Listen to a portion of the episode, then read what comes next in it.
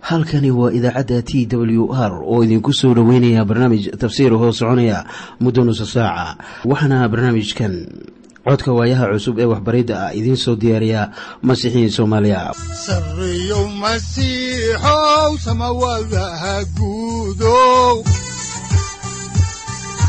Siraadkii adduunkow subanaha eebow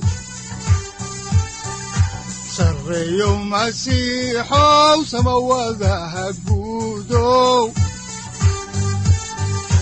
siraadkii adduunkow subanaha eebow adigoo samada jiro ifkan soo saldhiganba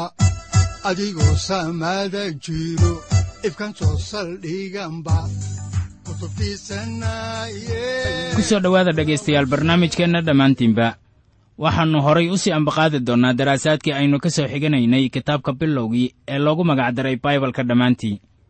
Waxaannu caawa halkii ka sii wadi doonnaa cutubka afar iyo afartanaad waxaana mawduucyadiisu ay ka koobnaayeen. Kow yuusuf oo walaalihiis u diraya reerihii abaaraysnaa. Labo koobkii yuusuf oo laga helay jawaankii benyamiin saddex yuhuud ah oo naftiisii u huray inuu qaato booskii benyamiin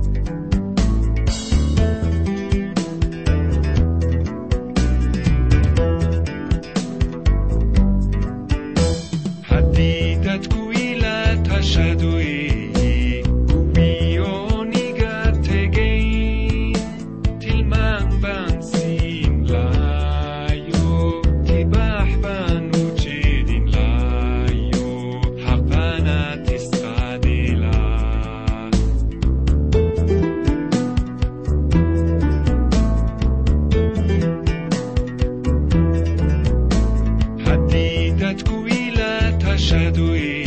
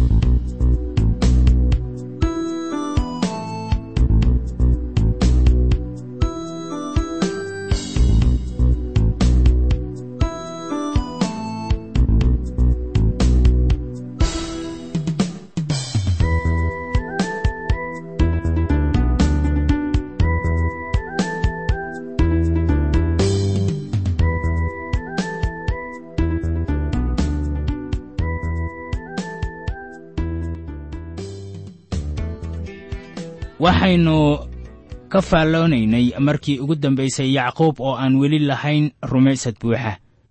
Waxaynu nidhi yacquub haatan wuxuu ku tiirsanaa wiilkiisa benyamiin halkii uu ilaah uga tiirsanaan lahaa. Waxaase hubaal ah in yacquub iimaankii ilaah uu ku qabay uu sii kordhayo. Haatanna aynu dib u bilowno xigashada kitaabka oo aan eegno cutubka afar iyo afartanaad aayadaha soddon ilaa kow iyo soddon. Waxaana qoran sida tan haddaba sidaas daraaddeed markii aan u tago aabbahay oo addoonkaagii ah haddii uusan wiilku nala jirin dee naftiisu waxay ku xidhan tahay nafta wiilka oo wuu dhiman doonaa markuu arko inuusan yarkii nala jirin. Oo annagoo ah addoommadaada ayaannu aabbahayaga addoonkaaga ah cirradiisa caloolxumo qabriga la gelin doonnaa. Waxaad garanaysaan tiiraanyada yuhuuddah oo ka tiiraayaysan yahay odagii yacquub ahaa. Yuhuuddah ayaa ahaa afhayeenka walaalaha. Waxay ila tahay in mid kasta oo ka tirsan walaalaha uu samayn kari lahaa warbixintaas cabashada ah. Haddaan ku noqonno aayadaha soddon iyo labo ilaa soddon iyo afar ee cutubka afar iyo afartanaad ayaa waxaa qoran sida tan.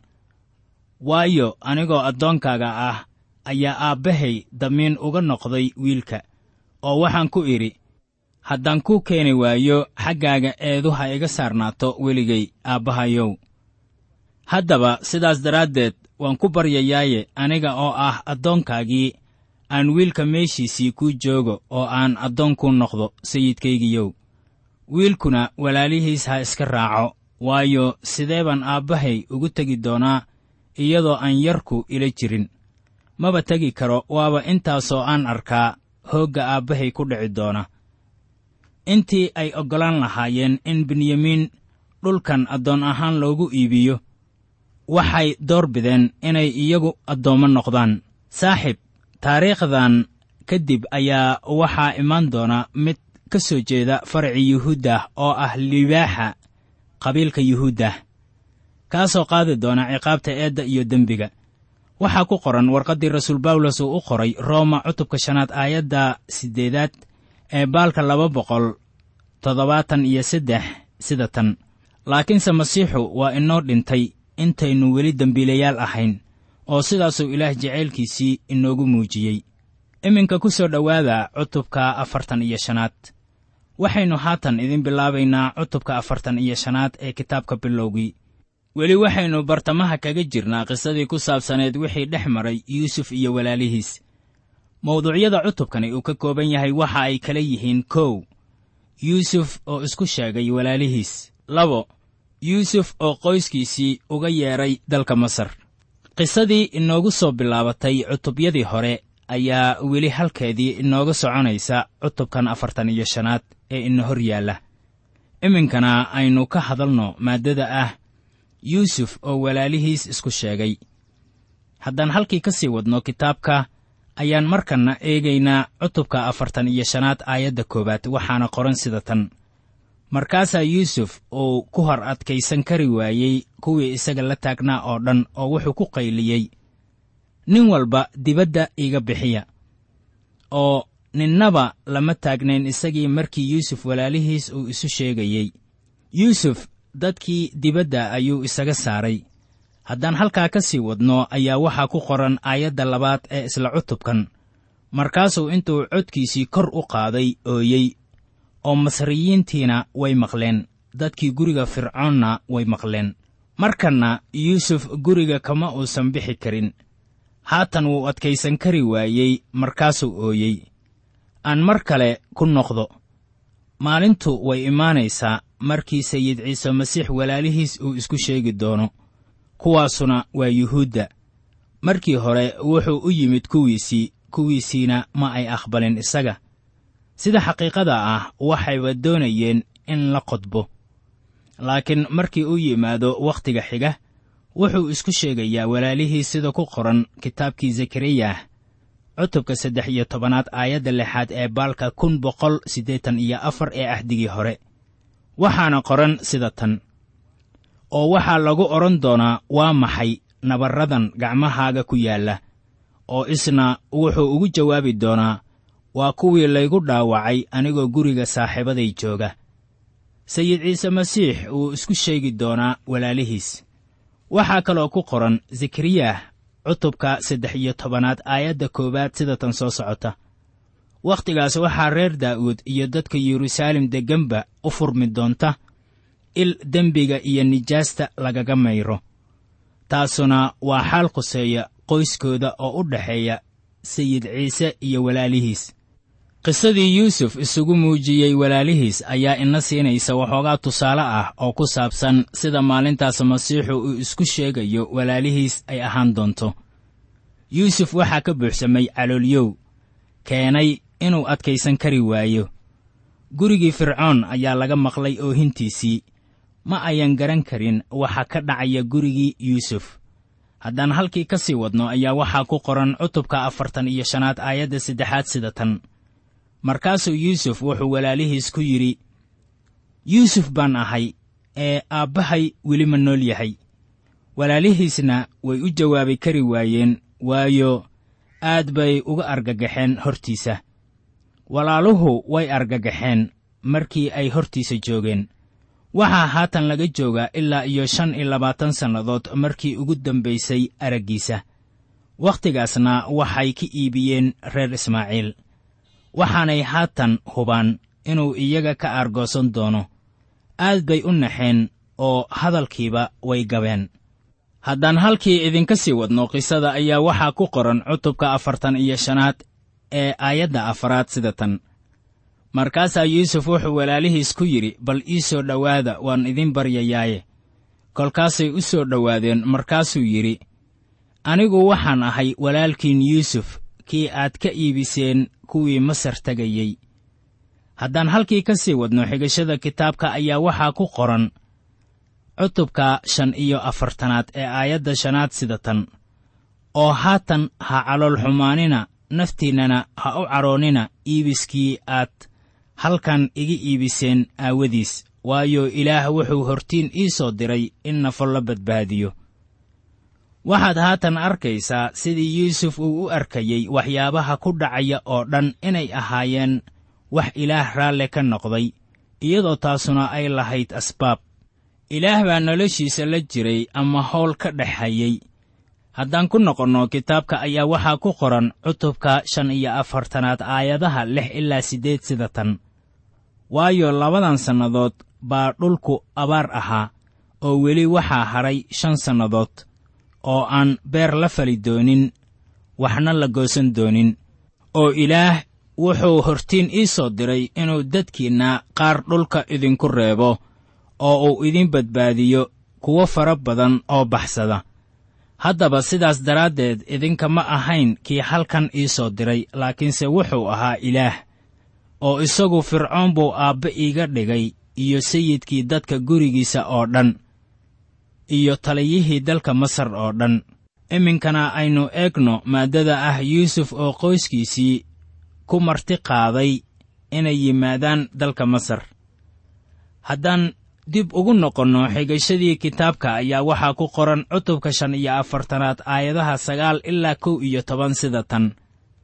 Dhaqsada oo aabbahay u kaca oo waxaa isaga ku tidhaahdaan wiilkaagii yuusuf wuxuu kugu soo yidhi ilaah wuxuu iga dhigay sayidkii masar oo dhan ee soo dhaadhac oo ii kaalay hana raagin oo waxaad degi doontaa dhulka la yidhaahdo goshen oo waad ii soo dhowaan doontaa adiga iyo carruurtaada iyo carruurtaada carruurtooda iyo arigaaga iyo lo'daada iyo waxa aad haysatid oo dhanba oo halkaasaan kugu qoodin doonaa waayo weli waxaa hadhay shan sannadood oo abaar ah. Waaba intaasoo aad gaajootaan adiga iyo reerkaaga iyo waxa aad haysatid oo dhammuba. Waa dhulkaas halkii ilaah doonayey inuu qaran uga dhigo oo uu kaga badbaadiyo dadkii kale ee dunida joogay waagaas. Nolosha walaalahan ayaa muujinaysa inay u baahnaayeen inay dhulka kancaan isaga baxaan haddaan halkii ka sii ambaqaadno qisada ayaa waxaa ku qoran cutubka shan iyo afartanaad aayadda laba iyo tobanaad sida tan. Oo bal eega indhihiinnu waa arkaan iyo indhaha walaalkay benyamiinba inuu afkaygii yahay kan idinla hadlayaa.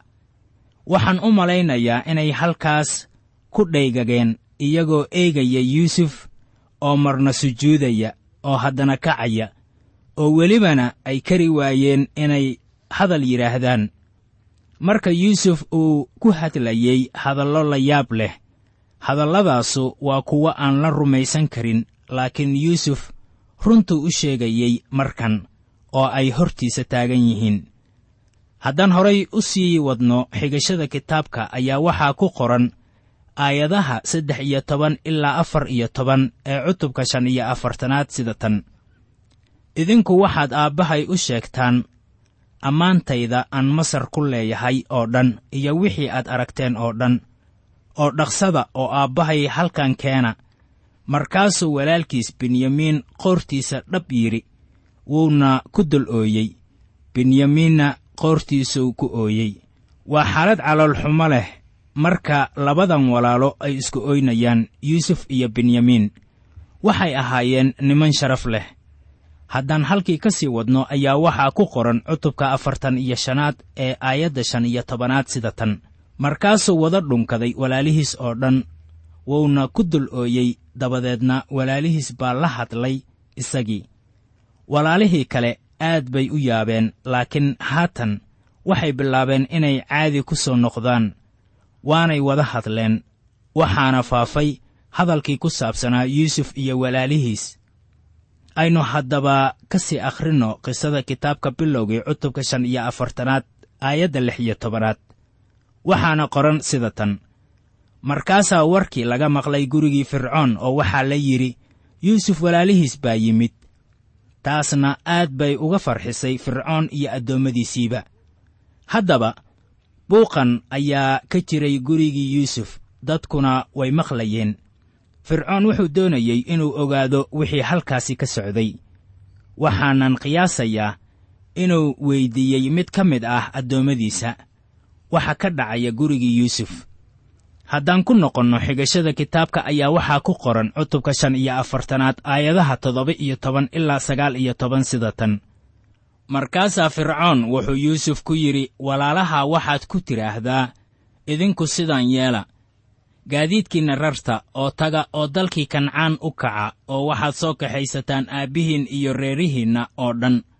Oo aniga ii kaalaya oo anna waxaan idin siin doonaa waxyaalaha wan wanaagsan ee dalka masar. Oo idinku waxaad cuni doontaan barwaaqada dalka. Haddaba waa lagu amray sidan yeela. Gaari fardood dalka masar uga kaxaysta dhallaankiinna iyo dumarkiinna oo aabbihiin keena oo kaalaya haddaan halkii ka sii wadno xigashada ayaa waxaa ku qoran cutubka shan iyo afartanaad aayadda labaatanaad sida tan oo alaabtiinnana ha ka fikirina waayo waxyaalaha wow wanaagsan ee dalka masar oo dhan idinkaa iska leh. Innagoo halkaas ka sii wadayna qisada ayaa waxaa habboon inaad mar kale la soo kala baxdaan. Waa haddii aad haysataane axdigii hore kitaabka bilowgii cutubka shan iyo afartanaad aayadaha kow iyo labaatan ilaa lix iyo labaatan oo leh sida tan. Markaasaa wiilashii israa'iil saas yeeleen. Yuusufna wuxuu iyagii siiyey gaari fardood. Sidii fircoon amarkiisu ahaa. Sahaydna jidkuu u siiyey. Dhammaantoodna wuxuu nin kasta siiyey dhar isku joog ah. Laakiinse benyamiin wuxuu siiyey saddex boqol oo xabbadood oo lacag ah iyo shan isku joog. Oo aabbihiisna sidan buu wax ugu diray toban dameer oo ay ku raran yihiin waxyaalihii wa wanaagsanaa ee masar iyo toban dameerood oo haruur iyo cunto ku raran yihiin iyo sahaydii aabbihiis jidka ku soo mari lahaa. Markaasuu walaalihiis diray oo iyaga way tageen oo wuxuu iyagii ku yidhi idinku jidka ha isugu cadhoonnina markaasay masar ka baxeen oo ay yimaadeen dalkii kancaan oo waxay u yimaadeen aabbahood yacquub markaasay u sheegeen oo ay ku yidhaahdeen yuusuf weli waa nool yahay oo wuxuu u taliyaa dalka masar oo dhan. Markaasuu taag darnaaday waayo uu rumaysan waayey iyagii. Yacquub ma uusan rumayn karin wixii ay lahaayeen oo waxaa qoran sababtaas aawgeed wuu taag darnaaday haddaan halkii ka sii wadno kitaabka ayaa waxaa ku qoran cutubka shan iyo afartanaad aayadda toddoba iyo labaatanaad sida tan. Markaasay u sheegeen hadalkii yuusuf uu kula hadlay oo dhan oo markuu arkay gaari fardoodkii yuusuf uu u soo diray in isaga lagu qaado ayaa aabbahood yacquub ruuxiisii cusboonaaday. Ugu dambayntii yacquub wuu ku qancay in yuusuf nool yahay. Wuxuuna bilaabay inuu reereeyo uu naf isgeliyo haddaan halkii ka sii wadno ayaa waxaa ku qoran aayadda ugu dambaysa ee cutubka afartan iyo shanaad ee kitaabka bilowgii sida tan soo socota. Markaasaa israa'iil wuxuu yidhi igu filan mar haddii wiilkaygii yuusuf weli nool yahay haddaba waan tegi doonaa oo waan arki doonaa isaga intaanan dhiman. Waxaan haatan soo gaarnay cutubka afartan iyo lixaad weli waxaa socota qisadii nebi yuusuf iyo walaalihiis iyo qoyskii yuusuf oo degganaa dhulkii kancaan. Mawduucyada cutubkani uu ka kooban yahay waxa ay kala yihiin kow. Yacquub iyo qoyskiisii oo u soo guuray dalka masar. Labo yacquub iyo yuusuf oo is arkay. Yacquub wuxuu is lahaa wakhti yar baad joogaysaa dalka masar. Waxaa kaloo jiray wahsi yar iyo hakad galay safarkii uu ugu noqon lahaa dalkii kancaan. Ilaah wuxuu ibraahim ku yidhi masar ha aadin ibraahimna dhib buu kala kulmay dalka masar. Ilaah wuxuu kaloo isxaaq ku yidhi sidaas markaanna haatan su'aashu waxay tahay yacquub miyuu aadayaa dhulkii masar? Wuxuu u baahan yahay qalbiqaboojin mase ahan casumaadda uu ka helay yuusuf amase fircoon wuxuu u baahan yahay inuu oggolaansho ka helo ilaah. Iminkana aynu ka hadalno mawduuca ah yacquub oo u soo guuray masar. Haddaan eegno aayadda ugu horraysa ee cutubka afartan iyo lixaad ayaa waxaa ku qoran markaasaa israa'iil la guuray wixii uu haystay oo dhan oo wuxuu yimid bi'ershabec oo halkaasuu ilaaha aabbihiis isxaaq allabaryo ugu bixiyey waxaa halkan yaalla wax la yaab leh. Wuxuu allabari u bixiyey ilaahii aabbihiis isxaaq. Markii ugu horraysay ee uu ka tago dhulkan ee uu aadayey dhulkii haaraan wuxuu soo maray beytel. Miyuu ilaah raadinayey? Maya waxay la ahayd inuu ilaah ka carari karo mana uusan raadinaynin talada ilaah markaas oo welibana ma uusan weyddiisan hoggaamintiisa war muxuu xaalku haatan ka duwan yahay kii beri hore. Maxayse kala duwanaayeen berigaas addoonkii ibraahim iyo yacquubkii dhallinyarada ahaa? Addoonkii ibraahim berigii uu ku sii socday haaraan tallaabo ma uusan qaadi jirin isagoo ilaah wax weyddiisan yacquub lama ahayn inuu u baahnaa ilaah dhan kasta ee noloshiisa waxay ku qaadatay wakhti dheer inuu barto intaasu aanay ahayn habka suuban ee nolosha qofka. Haddaan ku noqonno kitaabka ayaa waxaa ku qoran cutubka afartan iyo lixaad aayadaha laba ilaa saddex sida tan. Markaasaa ilaah riyooyinka habeenka kula hadlay israa'iil oo wuxuu ku yidhi yacquubow yacquubow. Isna wuxuu yidhi waa ikan markaasuu ku yidhi anigu waxaan ahay ilaaha ah ilaaha aabbaha ha ka baqin inaad masar ku dhaadhacdo. Waayo anigu halkaas baan kaaga dhigi doonaa quruun weyn. Haatan ilaah wuxuu u ballanqaaday yacquub inuu ka dhigi doono quruun weyn marka uu masar tago. Waxaa la yaabaysaa in ilaah sidaa samayn doono iyo in kale.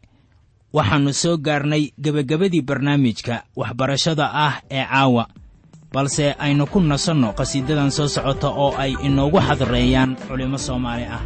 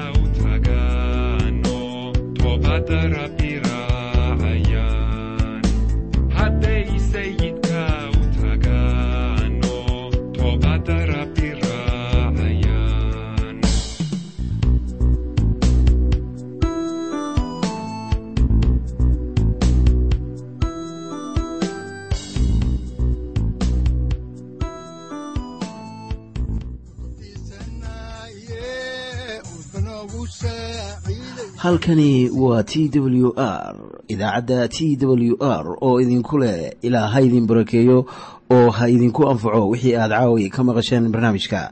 Waxaa barnaamijkan oo kalea maqli doontaan habeen dambe hadahan oo kale haddiise aad doonaysaan in aad fikirkiina ka dhiibataan wixii aad caawi maqasheen ayaad nagala soo xiriiri kartaan som t w r at t w r c o k e dhegaystayaal haddii aad doonaysaan inaad mar kale dhegaysataan barnaamijka fadlan mar kale booqo www t t b o r g ama www t w r o r g halka sare waxaad ku arkaysaa markii aad gasho language ama luuqadda waxaana dooranaysaa soomaali. Haddii aad doonaysaan in aad dejisataan oo kaydsataan barnaamijka ama aad mar kale dhegaysataan fadlan mar kale booqo www t t b t w r o r g ama www t w r o r g haddii aad doonayso in laga kaalmeeyo dhinacyada fahamka kitaabka amase aad u baahan tahay duco fadlan fariimahaaga soo mari bogga aaraahda ama kommentska inana jawaab deg deg ah ayaanu ku soo diri doonaa amase ku siin doonaaye. Sarreyow masiixow wihiyow saacadda timid dhulka sabada ku dhalatiyo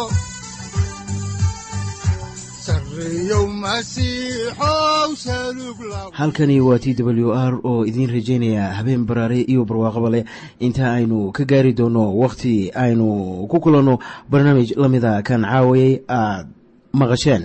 Waxa aan idinku leeyahay nabadda ciise masiix ha idinku badato xagga jidhka iyo ruuxaba. Aamiin